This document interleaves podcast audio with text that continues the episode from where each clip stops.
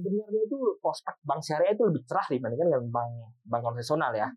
Secara aset, secara ekuitas, secara DPK apa segala sebenarnya memang kalah jauh syariah dengan konvensional. Tapi di situ artinya banyak ruang untuk bank syariah untuk bertumbuh. Impactnya ini kenaikan suku bunga terhadap bank konvensional dengan terhadap bank syariah lebih impact buruk impact itu lebih terasa di bank konvensional dibandingkan bank syariah.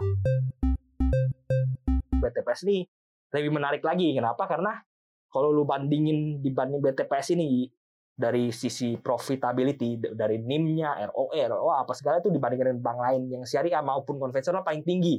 Jadi net interest margin itu bisa sampai 30%. Paham pantauan saham. Makin paham makin cuan. Hai balik lagi di segmen Paham Pantauan Saham. Makin paham makin Iya, kali ini bareng gue Salsa dan juga tim riset CNBC Indonesia ada Iya, yang pasti sama Putra kita bakal ngobrol-ngobrol hal-hal yang berbau cuan yang menggiurkan ya Put ya. Nah, di tahun ini, ini kan kayaknya era suku bunga rendah kayaknya udah uh, akan uh, fade away gitu ya atau uh, tahun ini akan uh, naik suku bunga acuan di berbagai negara termasuk Indonesia. Nah, kalau misalkan Bank Indonesia menaikkan suku bunga acuan tahun ini, kira-kira gimana sih dampaknya kepada bank konvensional maupun bank syariah? Ya, jadi backgroundnya dulu. Jadi ini kan di bulan Juni ini kan rumornya memang sebagian besar house tuh prediksi BI itu akan naikin suku bunga Hmm. bulan ini bulan Juni ini gitu. Jadi impact-nya tuh gimana sebenarnya ke perbankan gitu dari perbankan konvensional dulu ya. Sebenarnya secara perbankan secara umum itu dirugikan sebenarnya dengan adanya kenaikan suku bunga ini. Tapi impact-nya itu berbeda-beda terhadap bank satu dan bank lainnya. Kalau bank yang punya casa yang tinggi, casa itu dana murah. Contohnya kayak BCA, banyak orang yang nabung biasa aja di BCA gitu. Oh, aku taruh duit di BCA nggak usah didepositon. Punya banyak casa berarti. Itu impact-nya kecil. Dengan kenaikan suku bunga itu impact-nya kecil. Kenapa? Karena mereka mereka tuh bisa dapat dana murah. Mereka tuh bukan apa orang naruh duit di sana tuh bukan ngedepositoin. Nah, biasanya misalnya suku bunga naik kan yang paling yang paling pertama naik kan deposito yang naik kan. Jadi ketika casa lu kecil lu sedikit casa lu orang yang naruh-naruh deposito yang bunganya naik itu akan menggerus margin lu gitu. Hmm. Jadi ya impact ya ke bank konvensional dengan casa yang gede itu kecil impactnya. Kayak contohnya BCA itu impactnya masih kecil. Tapi bank-bank lain kan nggak seperti itu. Bank buku termasuk buku 3 atau KBMI 3 itu kan biasanya kan mereka nyar, apa dananya itu kan DPK-nya kan biasanya ada deposito contohnya gitu ya. Jadi itu naik menggerus margin mereka. Itu ke bank konvensional. Sebenarnya ke bank syariah itu prinsipnya juga sama. Kurang lebih sama. Tapi menariknya itu impact-nya ke bank syariah di- dibandingkan dengan konvensional itu lebih rendah di bank syariah. Kenapa? Karena biasanya itu trennya orang nabung di bank syariah itu mereka kan ada sebutannya tabungan wadiah gitu. Ya. Jadi tabungan wadiah itu nggak memberikan bagi hasil ya kalau sebutannya di bank syariah nggak bu- bukan bunga ya, bagi hasil nggak memberikan bagi hasil sama sekali jadi 0% bagi hasilnya gitu. Nah trennya ke sana berarti kalau bagi hasil 0% berarti casanya pasti bakal tinggi gitu. Jadi impactnya ini kenaikan suku bunga terhadap bank konvensional dengan terhadap bank syariah lebih impact buruk impact itu lebih terasa di bank konvensional dibandingkan bank syariah gitu. Oke, jadi untuk bank syariah sendiri sebenarnya impactnya tidak begitu terasa ya, Put ya? Iya. Nah, tapi kalau dari dibandingkan dengan bank konvensional. dibandingkan dengan konvensional. Tapi kalau dari segi prospek bisnis nih, sebetulnya seberapa menggiurkan sih uh, bisnis uh, bank syariah ini uh, ke depannya? sebenarnya itu prospek bank syariah itu lebih cerah dibandingkan dengan bank bank konvensional ya. Secara aset, secara ekuitas, secara DPK apa segala sebenarnya memang kalah jauh Ya. syariah dengan konvensional. Tapi di situ artinya banyak ruang untuk bank syariah untuk bertumbuh gitu. Ya kita tahu kan Indonesia kan 80% lebih Mayoritasnya mayoritas masyarakat muslim, ya. Apalagi kan biasanya kan mereka nabung ke ya ada beberapa yang nabung ke bank syariah dan banyak masih unbank. Produktif tur masih unbank gitu. Jadi ya ketika mereka ada bank masuk bank syariah masuk ya mereka langsung ke sana gitu. Jadi peluangnya, peluangnya tuh masih banyak gitu. ya, masih oke. masih masih banyak unbanked population. Jadi orang-orang yang masih belum terjamah perbankan gitu. Baik konvensional atau syariah masih belum terjamah gitu. Jadi ya peluangnya masih gede kalau untuk ngomong perkembangan bank syariah ini gitu. Oke, di antara bank-bank uh, syariah nih yang uh, tercatat di Bursa Efek Indonesia, yang mana sih yang sahamnya nih masih uh, menggiurkan atau potensi untuk dilirik, Put? ya kalau ngomong fundamental itu sebenarnya ada si di di di bursa itu kan ada empat ya, nggak banyak ya. Hmm. Satu itu PNBS, Bank BTPS. Syariah, BTPS, BRIS, BSI Syariah, sama Bank BANK. Nah ini kan kalau untuk PNBS kan sebenarnya too small ya, itu terlalu kecil. Ya gitu-gitu aja sosok aja. Kalau bank itu kan sebenarnya kan masih masih jual-jual janji sebenarnya itu kan masih belum ada yang bisa dianalisa secara fundamental karena banknya aja masih belum operating gitu. Ya.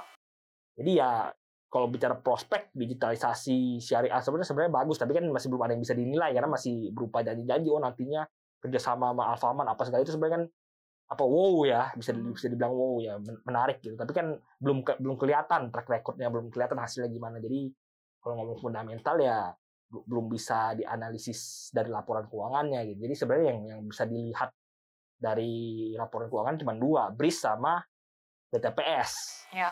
Ya dari dari BRIS dulu. BRIS itu ada beberapa hal yang menarik. Pertama mereka ini kan BUMN Ya. ya BUMN berarti payroll masuk ke sana. Ada beberapa opsi orang pilih payrollnya. Misalnya orang, oh di sini mau masuk payroll syariah ya. Pasti tu- tujuannya pasti ke BRIS ada yang lain lagi. Ya kalau payroll ya berarti ya you, you dapat DPK lah. Apalagi kalau mereka pilihnya yang wadia ya DPK-nya casa berarti. Mhm. Nah, terus kalau misalnya BRIS ini men- menariknya ini yang kedua itu mereka ngelola dana haji.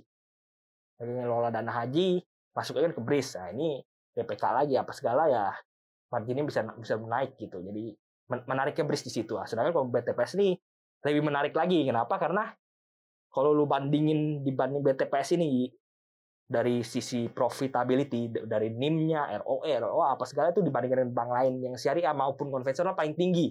Oke. Jadi net interest margin itu bisa sampai 30%. Margin margin bank syariah 30%, sedangkan bank-bank lain itu kecil bisa biasa malah bisa cuma single digit.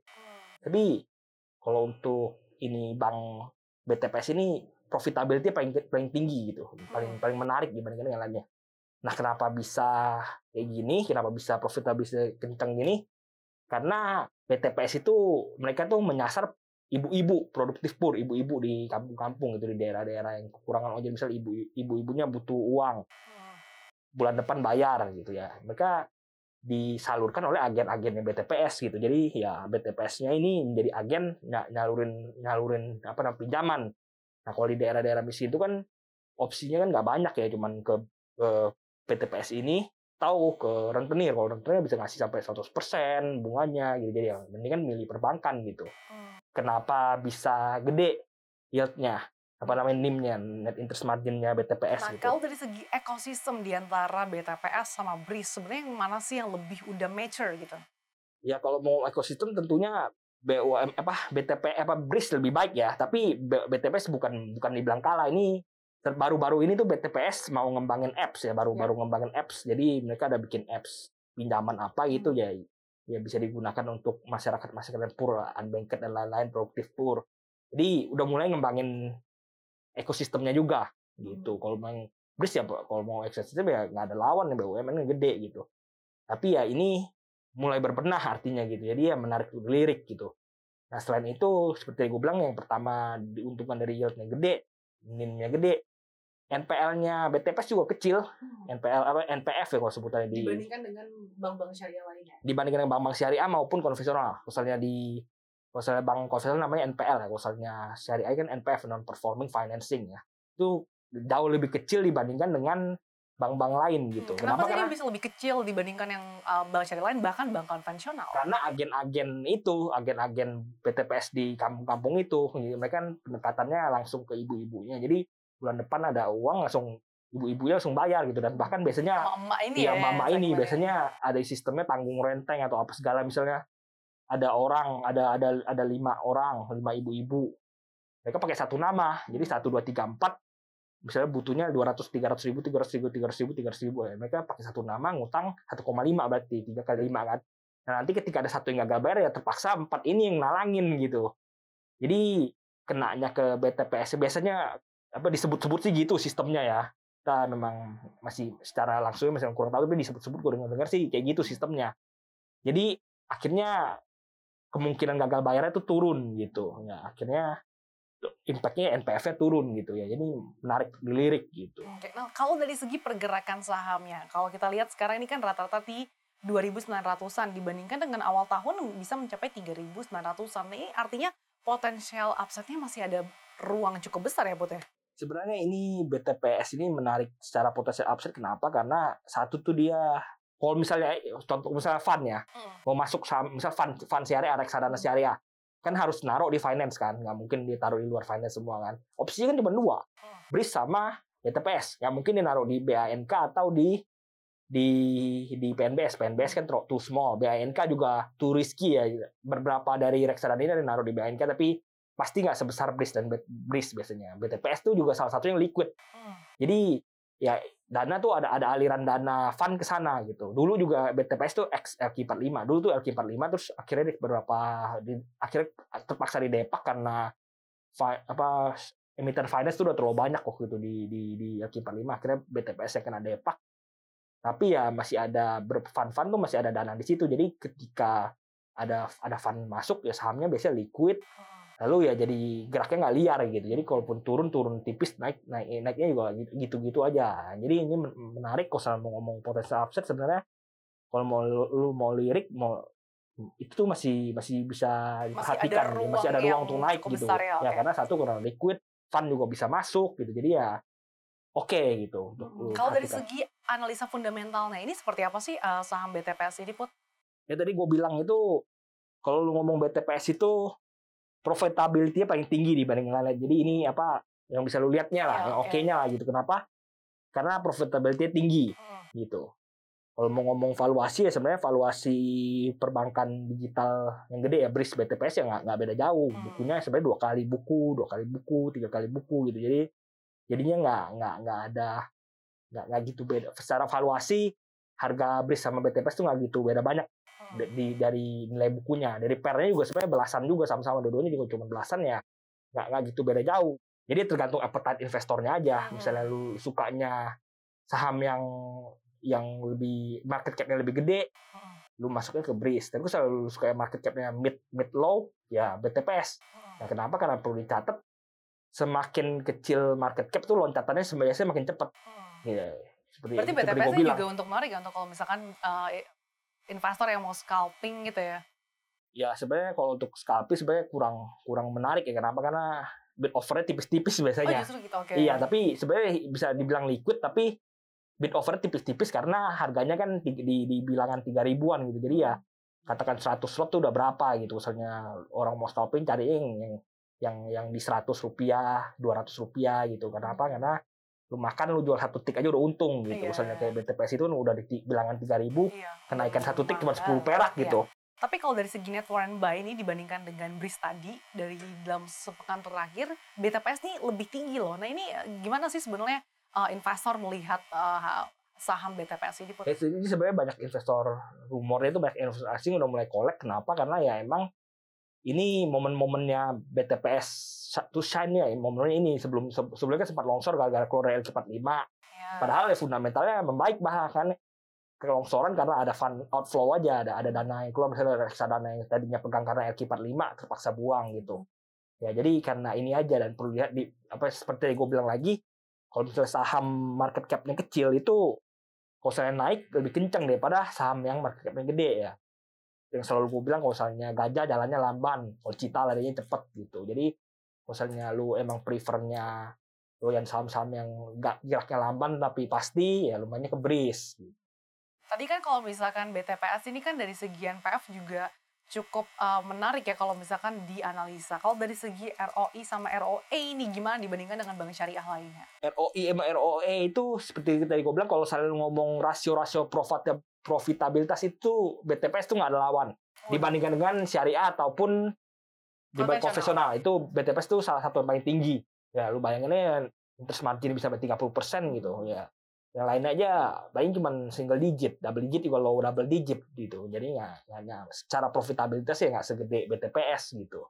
Kalau dari segi eh, dividen yield ini seperti apa? Karena kan kalau misalkan kita lihat investor kan juga tentunya pengen mengincar dividen. Dividen sebenarnya yieldnya. kalau yield itu tuh BTPS tuh nggak terlalu gede Hmm, biasanya paling cuma 2% 3% iya, gitu 2,07 persen. Kenapa? Karena dia nggak bagi banyak DPR-nya. Payout ratio dia nggak bagi banyak, baginya paling cuma 20-30 persen gitu. Tapi di sini ada ruang untuk bertumbuh gitu. Karena kita tahu kan BTPS kan sebagian besar kan dibawahi oleh BTPN. Nah, jadi mau gimana pun ketika BTPN ini mau ngambil uang, ya, contohnya apa? Sumitomo ini mau mau, mau narik uang ke Jepang, tracknya harus dari BTPS ambil ambil dividen masuk ke BTPN BTPN ambil dividen baru bisa nyampe ke Sumitomo gitu. Nah jadi dari dulu itu tuh emang Sumitomonya itu ngomongnya kagak mau. Sampai mereka udah buku 4 belum mau ngambil dividen. Sampai udah buku 4 dulu baru mereka bakal bagi dividen gitu. Rencananya mereka kayak gitu. Tapi sekarang dengan adanya KBMI aturan KBMI 4 ini kan masih belum tahu kejelas ke gimana.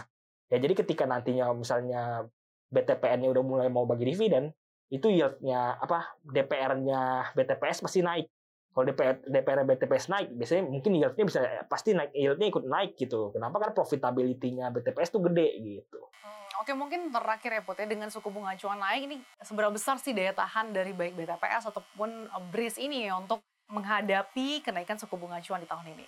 Kalau untuk dua-dua itu sebenarnya menurut gue masih oke. Okay. Kenapa? Karena BRIS tuh gampang lah casanya tuh pasti kecil, casanya kecil.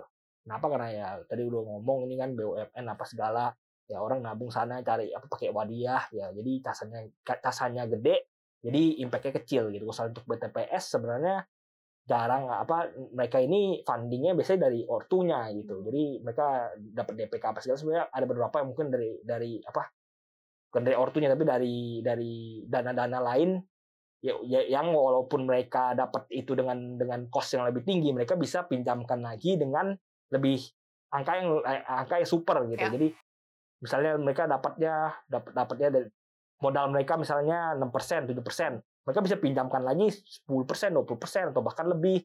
Karena nih mereka 30%. Jadi dengan walaupun suku bunga naik, impact-nya tetap akan minim gitu. Kenapa? Karena profitability mereka gede gitu.